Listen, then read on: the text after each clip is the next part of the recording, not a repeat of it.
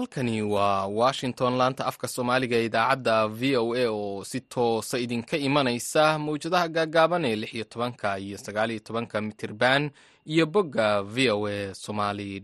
com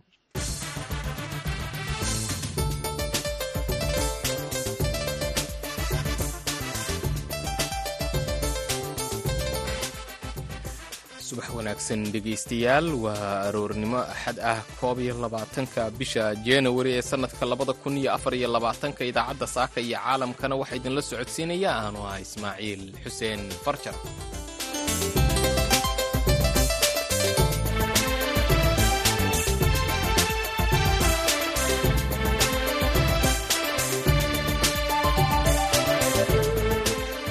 qodobadaan idinku hayno idaacaddeenna saaka iyo caalamkana waxaa ka mid ah madaxweynaha soomaaliya xasan sheekh maxamuud oo xogayaha guuda jaamacadda carabta kala hadlay khilaafka u dhexeeya soomaaliya iyo etoobiya mudane xasan sheekh maxamuud oo ku sugan magaalada qaahire ee dalka masar kadib casuumaad rasmi ah uu ka helay madaxweynaha dalkan cabdilfataax siisi ayaa waxa uu galabta la kulmay xogayaha guud ee jaamacadda carabta axmed al abulqeyd madaxweynaha ayaa ka mahad celiyey go'aanka wasiirada guddoonka iyo dalalka carabeed ay ku soo saareen islamarkaana ay ku taageereen midnimada iyo madax bannaanida soomaaliya sidoo kale waxaad maqli doontaan warbixin ka hadlaysa denmark oo ay ku soo badanayaan dembiyada ay galaan da'yarta oo ay ku jiraan soomaaliduna sidoo kale waxaan idiin haynaa turkiga rumaaniya iyo bulgariya oo kala saxeexday heshiis miinooyinka lagaga nadiifinayo badda madow qodobadaas iyo kuwo kale ayaa idinku soo maqan. Marka horese waxaad ku soo dhowaataan warkii dunida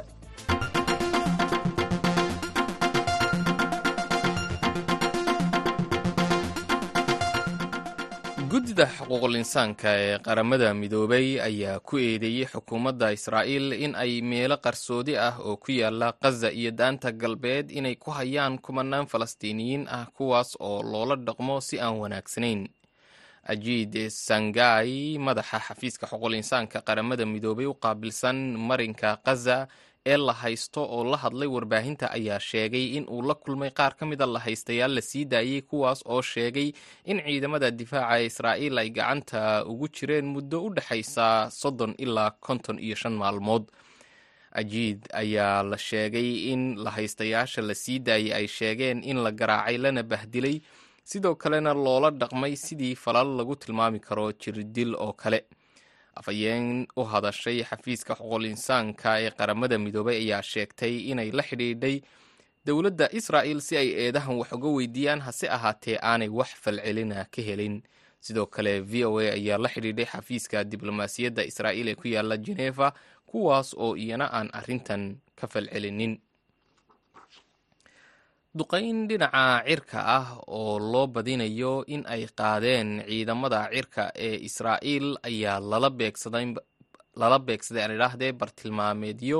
ay ku sugnaayeen saraakiil sarsare oo milatariga ah oo u dhashay dalka iiraan kuwaas oo ku sugnaa caasimadda dalka siiriya ee dimashik waxaana wararku ay intaas ku darayaan in ay halkaas ku dhinteen ilaa shan sarkaal oo ka tirsan ciidamada sida khaaska ah u tababaran ee loo yaqaano xoogaga qudus ee dalka iiraan. Duqayntan ayaa lala beegsaday guri caadiya kaas oo dhulka lala simay sida uu baahiyey telefishanka dalka siiriya saraakiisha israa'iil ayaan markiiba ka jawaabin in ay ka dambeeyeen weerarkaas iyo in kale. Dhegaystayaal intaasna waxay naga warkeennii haatanna u diyaar garooba qaybaheena kale ee idaacadda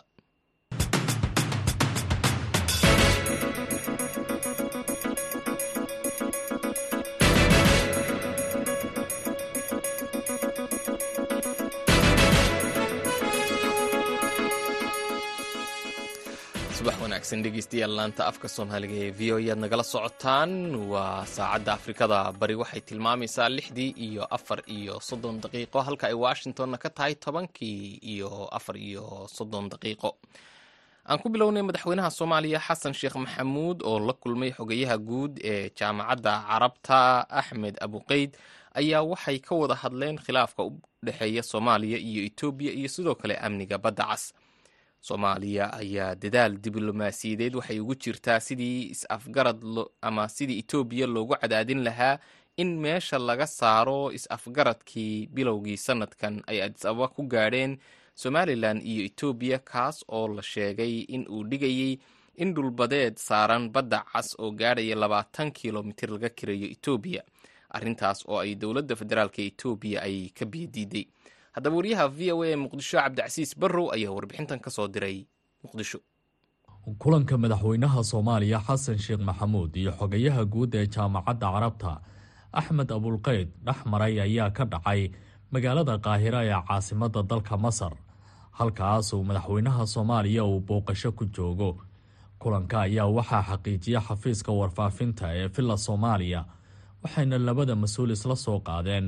xaaladda ka taagan gobolka geeska afrika gaar ahaan khilaafka u dhexeeya soomaaliya iyo ethoobiya war kooban oo ka soo baxay madaxtooyada soomaaliya ayaa lagu sheegay in dowladdu ay ka mahad celisay mowqifka ay dhowaan qaadatay jaamacadda carabta oo caddaysay in marnaba aysan aqbali karin in lagu xadgudbo madax bannaanida dhuleed iyo dadeed ee soomaaliya. Agaasimaha warfaafinta madaxtooyada cabdulqaadir cali dige ayaa sheegay in labada dhinac waxyaabaha ay isla soo qaadeen ay ugu horeeyaan amniga badda cas. Madaxweynaha jamhuuriyadda federaalk soomaaliya mudane xasan sheekh maxamuud oo ku sugan magaalada qaahire ee dalka masar kadib casuumaad rasmi ah uu ka helay madaxweynaha dalkan cabdilfataax al siisi ayaa waxa uu galabta la kulmay xogayaha guud ee jaamacadda carabta axmed al abulqeyd. Madaxweynaha ayaa ka mahad celiyey go'aanka wasiirada guddoonka iyo dalalka carabeed ay ku soo saareen islamarkaana ay ku taageereen midnimada iyo madax banaanida soomaaliya. Madaxweynaha iyo xogaye abulqeyd ayaa iska xog wareystay amniga iyo istaraatiijiyadda badda cas marinka muhiimka ah ee baabalmandeb iyo xaaladda geeska afrika. Geesta kale madaxweynaha soomaaliya xasan sheekh maxamuud iyo axmed abulqeyd ayaa ka hadlay khilaafka u dhexeeya soomaaliya iyo ethoobiya iyadoo dowladda soomaaliya ay ka mahad celisay mowqifka diblomaasiyadeed ee aadka u adkaa ee dhowaan ka soo baxay jaamacadda carabta kaasi oo etoobiya loogu baaqay in ay ilaaliso madax bannaanida iyo gobonnimada soomaaliya. Sida mar kale uu sharaxayo cabdulqaadir cali dige oo ah agaasimaha warfaafinta madaxtooyada soomaaliya. Iyagoo dul istaagay cawaaqib xumada ka dhalanaysa tallaabooyinka qariska xornimada ah ee maamulka adisababa ay ku farageliyeen midnimada dhuleed ee jamhuuriyadda federaalk soomaaliya. Madaxweyne xasan maxamuud ayaa la wadaagay hogaanka jaamacadda carabta mowqifka mideysan ee shacabka iyo dowladda soomaaliyeed ay ku diideen damaca xukuumadda ra'iisul wasaaraha ethoobiya ee ka dhanka ah baddeenna iyo dhulkeenna. Xogayaha guud ee jaamacadda carabta mudane abulqeyd ayaa muujiyey dadaalka iyo garib istaagga jaamacadda carabta ee lagu xoojinayo midnimada iyo gobonimada soomaaliya wuxuuna sheegay inaan la aqbali karin xadgudubka ka dhanka ah jamhuuriyadda soomaaliya oo saldhig u ah xasiloonida gobolka. Soomaaliya ayaa waxay xubin buuxa ka tahay dalalka ku midoobay ururka jaamacadda carabta. Dhinaca kale madaxweyne xasan sheekh maxamuud oo booqasho ku jooga dalka masar kadib casuumaadda uu ka helay dhiggiisa dalkaasi cabdifataax al siisi ayaa la kulmay imaamka ama hogaamiyaha al azhar sheekh axmed maxamed al tayib waxaana uu kala hadlay sidii xal loogu heli lahaa fikirka xagjirka ah ee dhibaatada ba'an ku haya soomaaliya. Soomaaliya ayaa sheekh al azhar u fidisay casuumaad uu dalka ku imaanayo sidii uu kaalin ugu yeelan lahaa xal u helidda fikirka xagjirka ah ee dhibaatada ba'an ku haya soomaaliya. Ugu dambeyn dowladda soomaaliya ayaa ku dadaalaysa inay xoojiso galaangalkeeda diblomaasiyadeed ee ah in cadaadis ay ku saartay etoobiya tan iyo wixii ka dambeeyey is-afgaradkii somalilan iyo etoobiya ay ku gaareen magaalada adis ababa bilowgii bishan. Dowladda soomaaliya ayaa waxay waday dadaallo xoogan oo dhinaca diblomaasiyadda ah oo etoobiya ay ku cadaadinayso in is-afgaradkaasi ay dib uga laabato. Cabdilcasiis barrow v o a muqdisho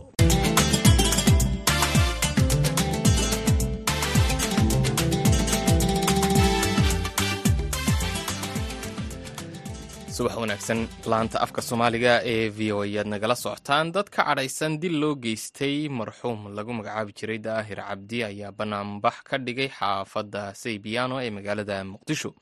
Banaanbaxa oo ahaa mid rabashado wata ayaa markii dambe waxaa hor istaagay ciidanka amniga sida uu warbixintan ku eegayo wariyaha v o a cabdiqaadir maxamed cabdulle.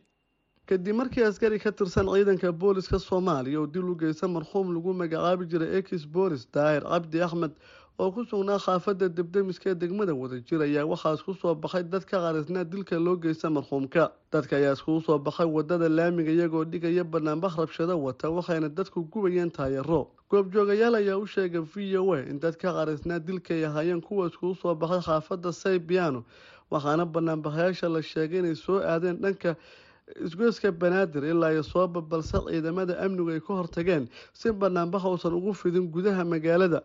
dadka qaraysanaya hakadgeliya isku socodka gaadiidka dadweynaha iyo goobihii ganacsi iyagoo sameynaya banaanbax rabshada watay. Qof goobjooga ayaa u sheegay v o a in marka banaanbaxu dhacay kadib sidoo kale qof shaqaba goobtuu ku geeriyooda taasoo rasaasay haleeshay.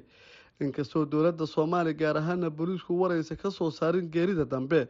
war qoraal oo ka soo baxay booliska soomaaliya ayaa lagu xaqiijiyay geerida ex booliis daahir cabdi axmed waxaana lagu sheegay warka qoraalka ee booliiska inuu dilka geystay askari ka tirsan ciidanka booliska soomaaliya haddanay gacanta ku hayaan ciidamada amniga sida ugu dhaqsaha badanna cadaalada loo horgeyn doono. Xaafada debdemiska ee degmada wadajir oy degan yihiin dad shacaba wuxuu ka mid ahaa dhulka danta guud waxaana horay war qoraal oo ka soo baxay booliska soomaaliya dadka loogu faray inay ka guuraan halkaasi si loogu qabto dantii guud oo markii hore loogu shaqayn jiray dadka degan xaafadaasi ayaa ka soo horjeestay. Digniinta ka soo baxday booliska soomaaliya la xiriir dadku inay ka guuraan goobtaasi. Waxayna kal hore dhigeen banaanbax sidoo kalena waxaa jiray dad la hadlaya warbaahinta gudaha kuwaasi oo ka soo horjeeday in laga raro xaafaday degan yihiin ee debdemiska degmada wadajir ee gobolka banaadir. Cabdulqaadir okey v o a muqdisho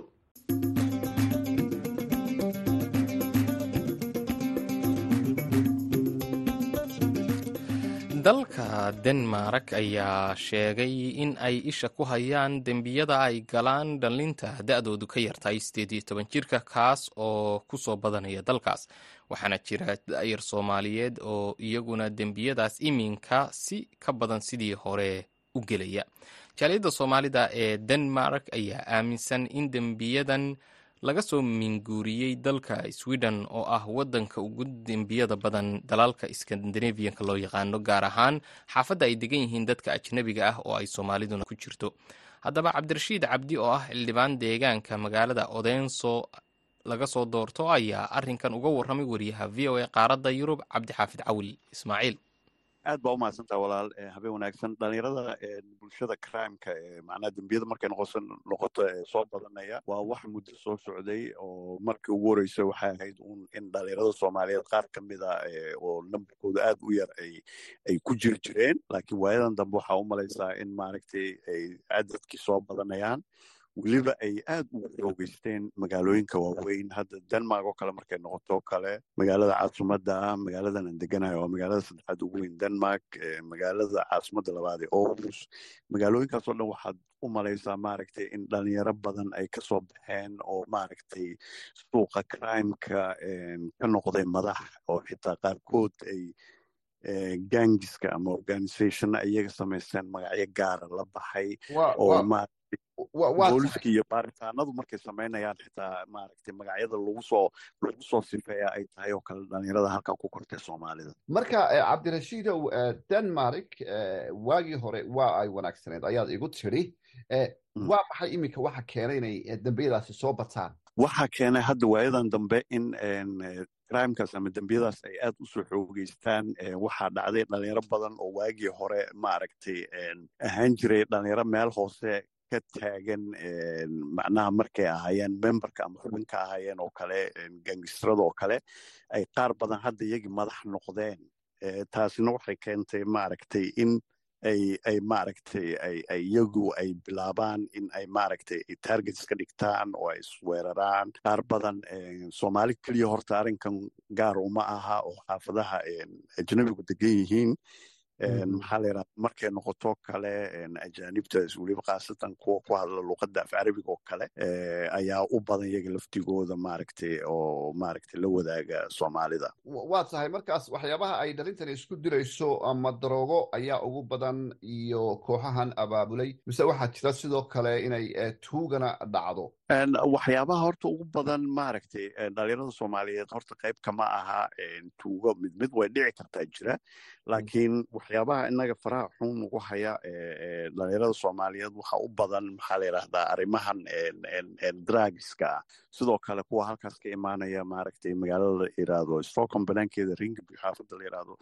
xagaa ka imaanaya ama maalmo kale magaalada la yidhaahdo ay halkan imanayaan marka ayagana waxaad u malaysaa inay trafic noocaas oo kalea uu jiro. Marka marka waxaad leedahay waxaabay gaadhay arrintu in dhalinyaradii soomaaliyeed ee sweden iyo denmark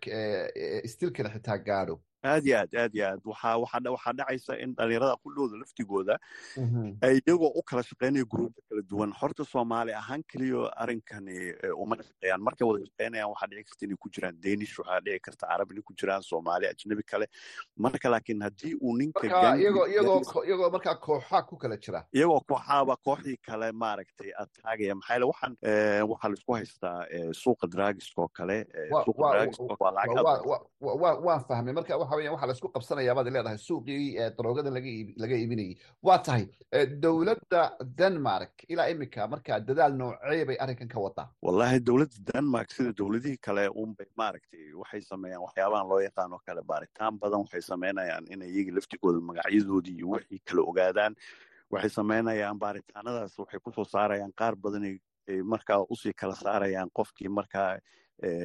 kooxda gangaha madaxda u ahaa kii ku xigay siay u wada shaqeeyaan suuqa waxyaabahaasay sameeyaan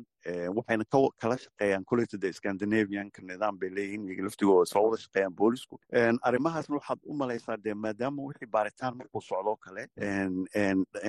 dhibaatooyinkan kalena inay ku ag socdaan marka waxaa dhici karta boolisku baaritaanka iyagoo wada in maaragtay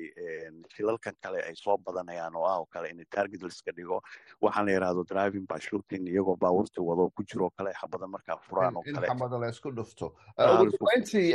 xildhibaan cabdirashiid adigoo soo koobaya waa sidee wada shaqaynta jaaliyadda soomaalida hadday waalidiin noqoto hadday masaajidada noqoto iyo dowladdu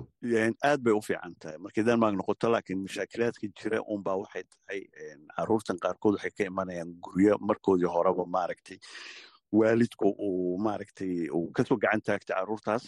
qaar badan waxay ku bilaabaan bada'da saddex iyo toban afar iyo toban waxaa laga yaabaa in loo gado mobilo waxaa laga yaabaa in loo gado bahal la yiraahdo kale maxaa la yirahdaa elobul bahalkan lagu orday mini scooter.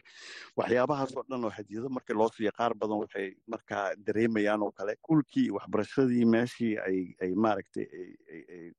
ay ku dadaali lahaayeen. Waxaa uga sahlanaanaysa in dhinacan kale suuqan maaragtay crimeka loo soo jiito kaasi waxa uu ahaa xildhibaan cabdirashiid cabdi oo laga soo doorto magaalada odensa wuxuuna u warramayay wariyaha v o a qaaradda yurub cabdixaafid cawil ismaaciil laanta afka soomaaliga ee v o a ayaad nagala socotaan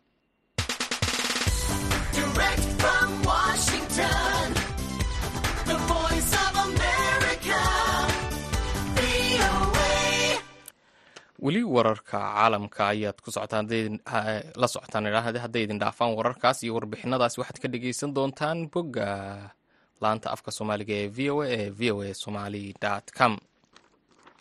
turkiga ayaa ku biiray dalalka bulgaria iyo romaniya si ay miinooyinka uga nadiifiyaan badda madow taas oo fududaynaysa dadaalka ay ukrain ku doonayso inay suuqyada caalamka ugu dhoofiyaan sarreenka.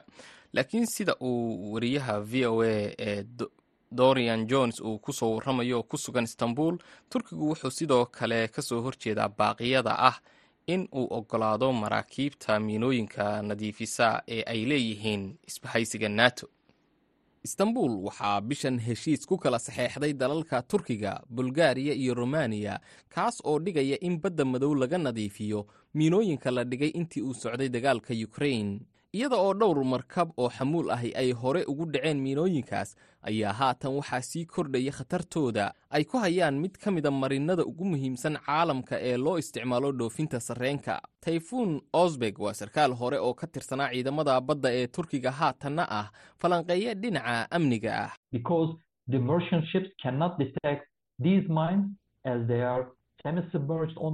Sababtoo ah maraakiibta ganacsigu ma ogaan karaan meelaha ay yaallaan miinooyinkani maadaama oo ay ku dhex milan yihiin biyaha. Waxaana laga yaabaa in ay ogaadaan xilli dambe oo ay miinadii jiidheen taasoo halisteeda leh. Falanqeeyayaasha ayaa sheegaya in ay tahay in meesha laga saaro khatarta miinada taasoo wax weyn ka tari doonta dadaalka ay yukrain ugu jirto dhoofinta sarreenka ee suuqyada caalamka. Tan iyo wixii ka dambeeyey markii uu burburay heshiiskii dhoofinta sarreenka oo ay garhwadeen ka ahaayeen turkiga iyo qaramada midoobay falanqeeyayaasha ayaa sheegaya in ruushku uu weli ugu hanjabayo yukrain inaan la damaanad qaadi karin ammaanka gaadiidka badda. Laakiin ankara waxay rajaynaysaa in koruqaadista ammaanka maraakiibta yukrain in ay dhiirigelin u noqon karto in moskow ay mar kale dib ugu soo laabato heshiiskii dhoofinta sarreenka ee yukrain masuud kaasin oo ka tirsan jaamacadda yediteebe ee istanbul ayaa leh nadiifinta miinadu waa arrin muhiim ah.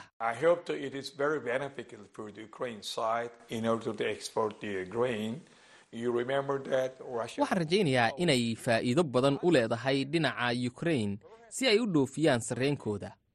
Waxaad xasuusataa in ruushku uu ka baxay arrintan. Dhinaca kale laga yaabay in ruushku uu mar kale dib ugu soo noqdo miiska oo uu yidhaahdo kaalaya aan ka wada hadalno ciidamada badda ee turkigu waxay leeyihiin awood casri ah oo lagu nadiifiyo miinooyinka iyaga oo taageero ka helaya rumaaniya iyo bulgariya laakiin goobjoogayaashu waxay ka digayaan caqabadaha kaga iman kara xulafada nato oo ah mid aan indhaha laga qarsan karin.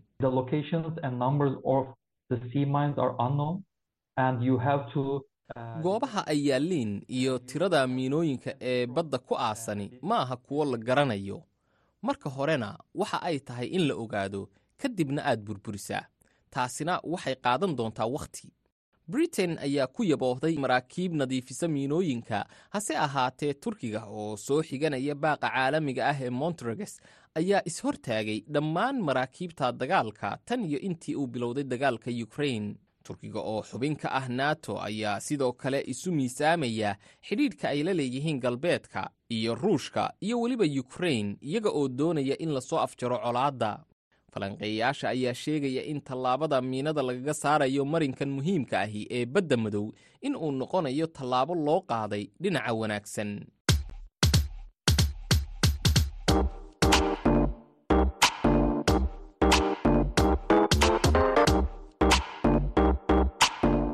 idaacadda v o a waxaad si toos uga dhegaysan kartaa efemyada magaalooyinka geeska afrika. Haddii aad joogto magaalada muqdisho waxaad v o a ka dhegaysan kartaa v o e da f m teda sagaaliyo sagaashan dhibic sagaal iyo raadiyo muqdisho f m teda sagaashan dhibic eber eber. Reediyo kulmiye f m-ta sideed sideed reediyo risaala hal eber labo dhibic labo hargeysa sideed sideed dhibic eber v o a. Haddii aad kismaayo joogto v o e da waxaad ka dhegaysan kartaa raadiyo sooyaal f m sideed sideed dhibic eber. Gobolka hiiraan hiiraan weyn f m sagaashan megaherts redio baydhaba siddeetan iyo sagaal dhibic shan f m haddii aad joogto puntland v o a waxaad ka dhegaysan kartaa s b c radio boosaaso siddeetan iyo sagaal dhibic sagaal f m qardho siddeetan iyo sagaal dhibic sagaal f m isla mawjadahaasi waxaad ka dhegaysan kartaa waaciya iyo garowe. Wajeer waxaad naga dhegaysan kartaa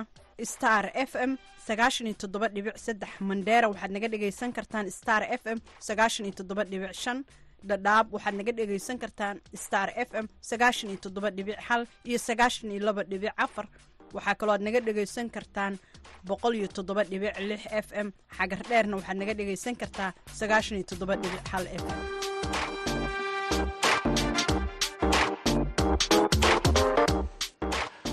subax wanaagsan laanta afka soomaaliga ee v o ead nagala socotaan. Aan qodob iyo laba ka mida wararka caalamka aan mar kale idiin soo qabto duqayn dhinaca cirka ah oo loo badinayo inay qaadeen ciidamada cirka ee israa'iil ayaa lala beegsaday bartilmaameed ay ku sugnaayeen saraakiil sarsare oo militari oo u dhashay dalka iiraan kuwaas oo ku sugnaa caasimadda dalka siiriya ee dimashik waxaana wararku ay intaas ku darayaan inay halkaas ku dhinteen ilaa shan sarkaal oo ka tirsanaa ciidamada sida khaaska ah u tababaran ee loo yaqaano xoogaga qudus duqayntan ayaa lala beegsaday guri caadiya kaas oo dhulka lala simay sida uu baahiyey telefishinka syriya saraakiisha israa'iil ayaan markiiba ka jawaabin in ay ka dambeeyeen weerarkaas iyo in kale. Haatanna dhegaystayaal dhinacii heesaha ayaan jallacina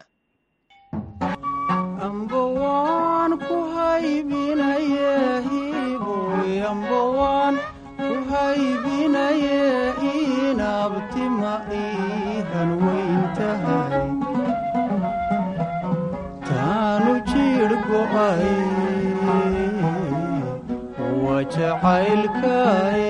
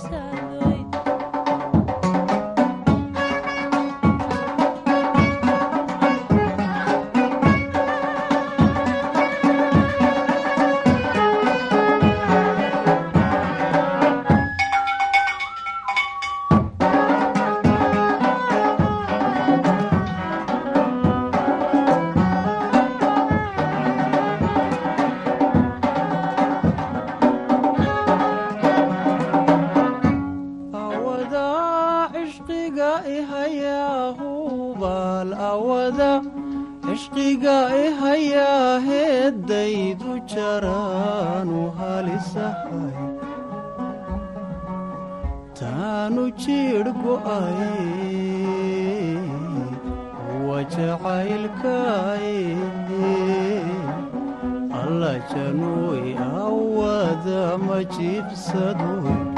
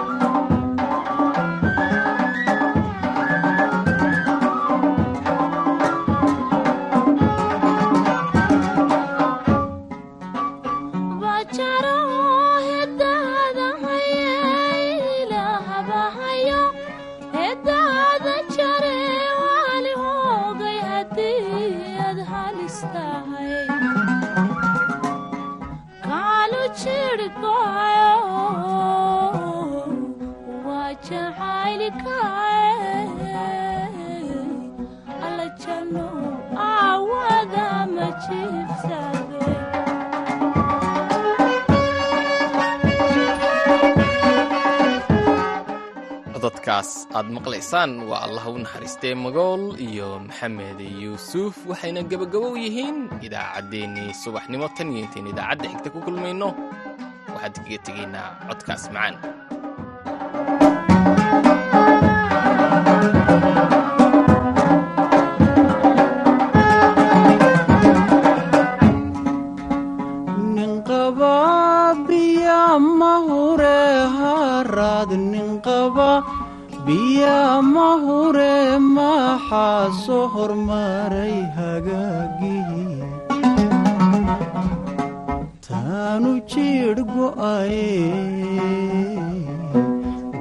waa jacaylkaay